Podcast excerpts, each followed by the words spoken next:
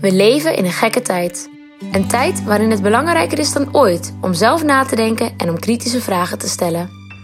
We laten inspirerende mensen aan het woord die hun visie delen en een beeld schetsen van een liefdevolle samenleving.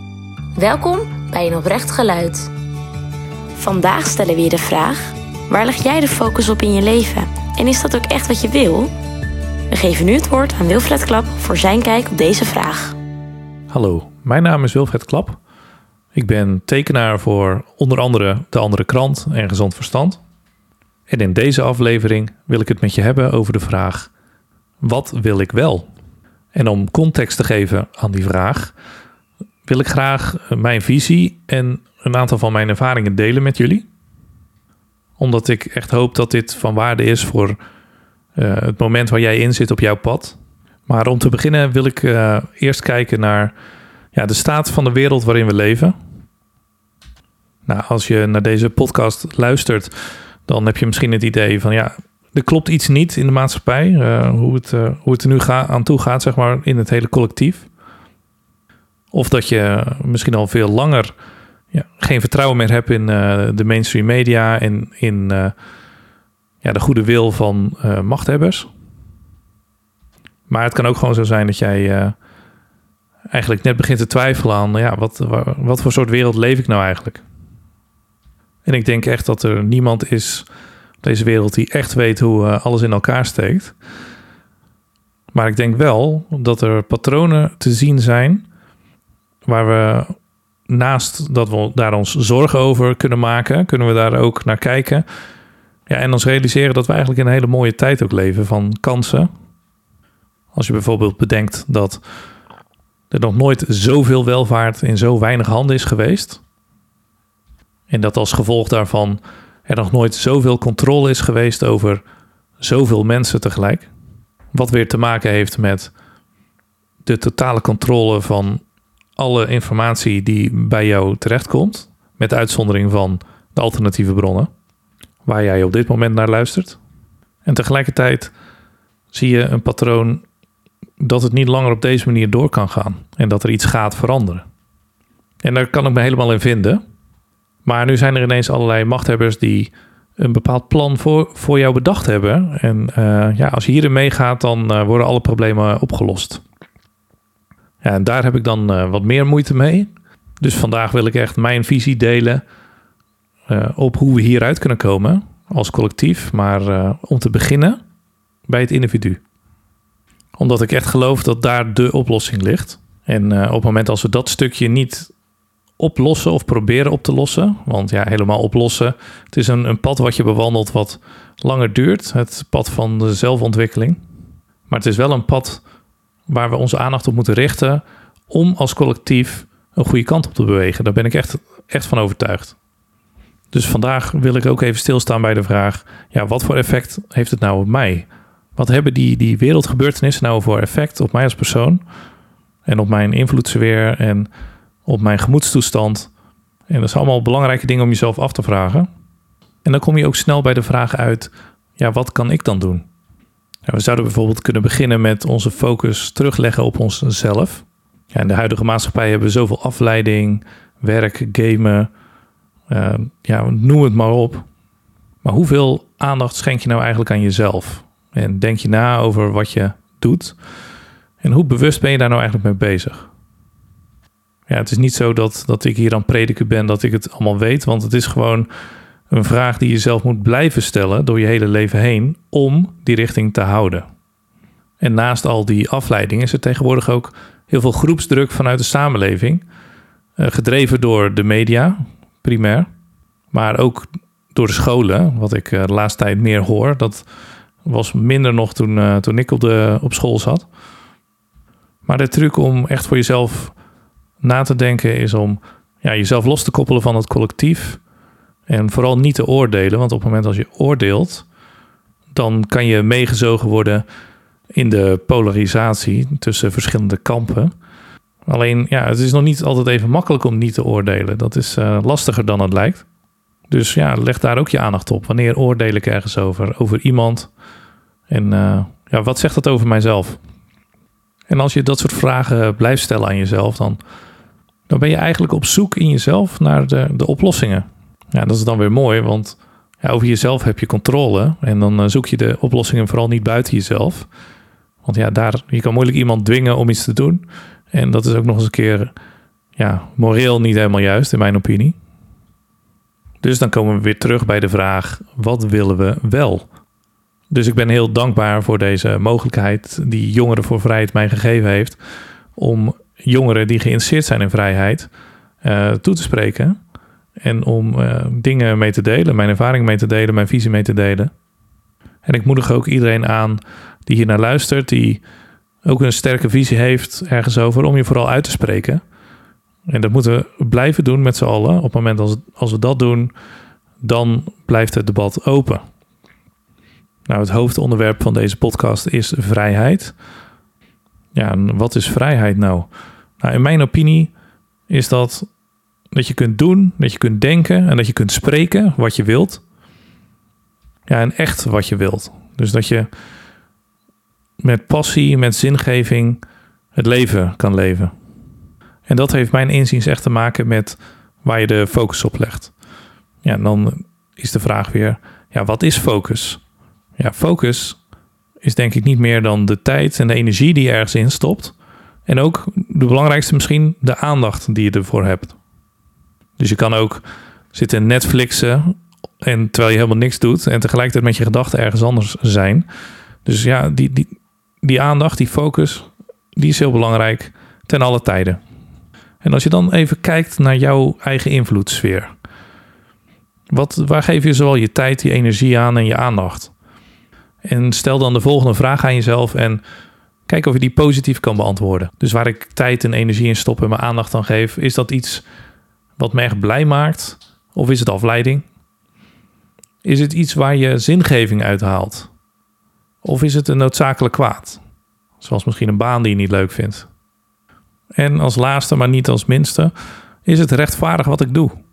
Als je dan weer kijkt naar die baan bijvoorbeeld. Is het een rechtvaardige baan? Is het iets wat bijdraagt aan de wereld? Is het iets waar ik echt weer die zingeving uithaal? Want dat heeft hier ook mee te maken. Dat op het moment als jij iets doet waar je eigenlijk niet helemaal achter staat of niet in gelooft, maar ja, het verdient wel lekker. De vraag is dan of je echt gelukkig kan zijn en of het niet gewoon zonde is van je focus natuurlijk. En als je dan die vragen aan jezelf hebt gesteld, ja, vraag dan ook aan jezelf wat je kan doen op die punten. En wat wil je doen op die punten? Ja, zelf heb ik twee jaar geleden echt het roer omgegooid. Ik besloot uh, mijn carrière ja, binnen lokale overheid onmiddellijk te beëindigen. Ik was me er uh, bewust van geworden dat uh, het werk mijn passie absoluut niet was. Dat wist ik eigenlijk al heel lang.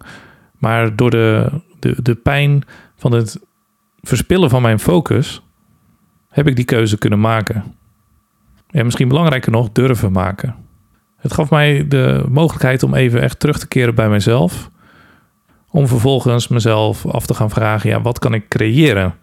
het grappige was dat toen ik echt uh, terugkeerde tot mijzelf, toen ik echt mezelf de ruimte gaf om er even een paar maanden tussenuit te gaan, dat, uh, ja, dat creatief proces eigenlijk vanzelf op gang kwam. En uh, wanneer ik stopte met de negatieve energie, wat voor mij dus mijn, mijn werk was, kwamen de antwoorden eigenlijk vanzelf door vooral te luisteren naar mijn intuïtie. Ja, dus nu heb ik eigenlijk een situatie gecreëerd dat ik wel doe wat ik wil. Dat is ook echt een principe geworden van mij. Dat heb ik nu geleerd dat ik dat echt niet meer anders wil. Maar ook wanneer ik het wil. Nou, en ik zeg ook niet dat je nu onmiddellijk je baan of je studie op moet zeggen, maar het is ook niet eenvoudig, uh, zo'n proces. Ja, en wie weet zit je al helemaal op je pad en voelt het voor jou perfect. Ja, dat is fantastisch. Zo is iedereen op zijn eigen pad. Als je maar wel bewust bent dat je het echt voor jezelf doet. En dat je het bijvoorbeeld niet doet omdat andere mensen het van je verwachten. Maar dat je echt bewust die keuze maakt. En uh, ik denk nog belangrijker dat je echt voelt dat het de juiste beslissing is voor je. Dus nogmaals, wat, wat wil je? En ja, waar focus je op? En is datgene iets waar je blij van wordt? Want als je kijkt naar tijd, tijd is in die zin een illusie dat, er, dat je altijd in het nu leeft. Alleen het punt is dat je, je jouw ervaring van het nu maar tijdelijk meegaat. Dus die tijd is kostbaar. Als je daar bewust van bent En als je jong bent, dan denk je daar misschien nog minder over na. Tenminste, dat was zeker bij mij het geval. Sterker nog, ik moest een aantal keer een wake-up call krijgen om echt uh, ja, stil te gaan staan bij het feit dat ik niet eeuwig meega. En ik denk als je jong bent dat het ook niet verkeerd is om daar al bij stil te staan. Ja, het geeft een bepaalde urgentie aan uh, ja, wat je echt wil doen. En uh, het voorkomt eigenlijk dat je uitstelgedrag gaat vertonen en dus afleiding ingaat. En dan zou je misschien denken, ja, het is allemaal uh, fantastisch dat, ja, dat ik met mezelf aan de slag kan gaan en dat er ja, prachtige manieren zijn om aan persoonlijke ontwikkeling te werken. Maar ja, wat heeft dat nou eigenlijk voor zin op de grotere schaal, voor het collectief?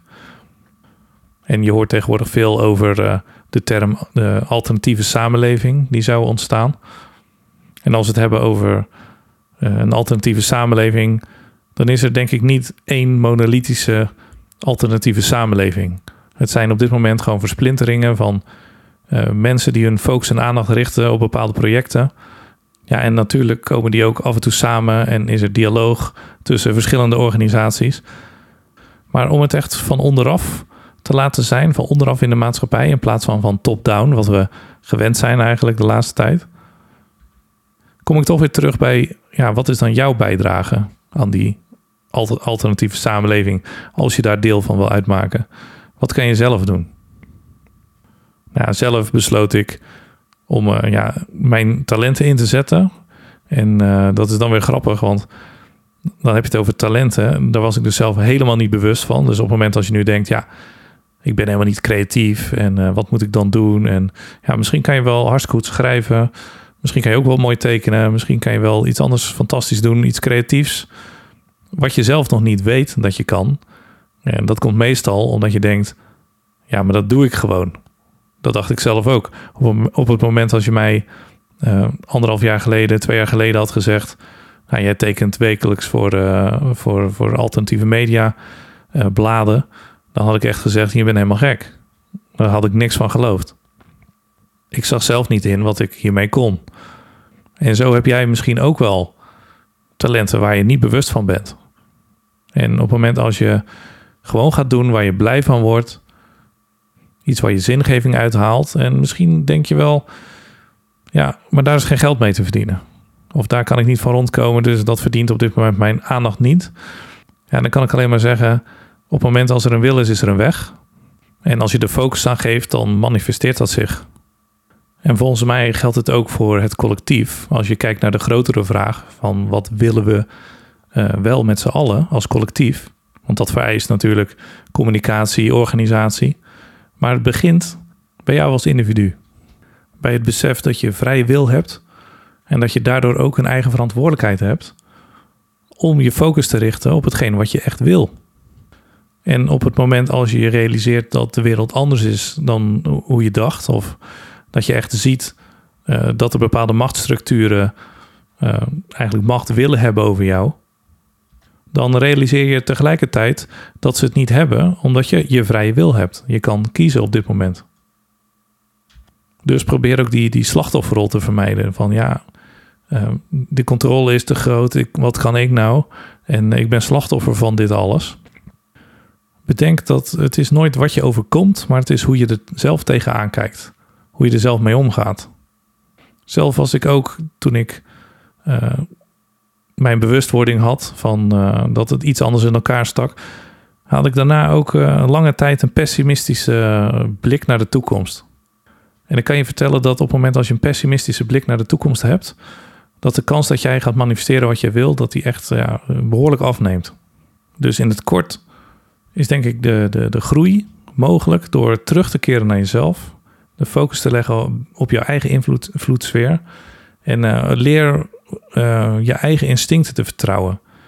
Uh, herken je intuïtie. wat zegt je gevoel? En onderscheid dat van beperkende overtuigingen die je tegenhouden over jezelf en dat je niet goed genoeg bent. Ja, uiteindelijk is dat niet je intuïtie, maar is dat beperkende overtuiging, oftewel een, het overlevingsmechanisme. En dat doorbreek je vooral door buiten je comfortzone te stappen en gewoon te gaan doen uh, waar je de drang voor hebt, waar je echt een passie voor hebt. En wie weet leer wel nieuwe talenten van jezelf kennen. En kan jij uh, op bepaalde delen in je leven echt een flinke stap zetten nog. Nou, ik ben vooral ook heel erg benieuwd naar jullie verhalen. En uh, mocht je vragen hebben of mocht je iets met me willen delen, volg me op Instagram. Uh, de link uh, staat hieronder. of ga naar mijn website en stel me een vraag in het invulscherm onderaan. En mocht je nou echt zitten met de, de vraag, ja, wat wil ik wel? En je komt daar niet uit. Ja, dat is echt heel herkenbaar voor mij. En ik heb daar een leuke workshop voor bedacht, waarin ik je op een leuke en creatieve manier meeneem om die vraag te beantwoorden. Dus mocht je nieuwsgierig zijn, ga naar mijn website en kijk even naar de data en, uh, en meld je aan. En voor nu bedankt voor het luisteren. En wie weet, tot snel. Dit is de visie van Wilfred Klap. Neem dit mee om je eigen visie te vormen. Ga erover in gesprek met de mensen in je omgeving en vooral blijf altijd kritisch denken. Tot de volgende keer!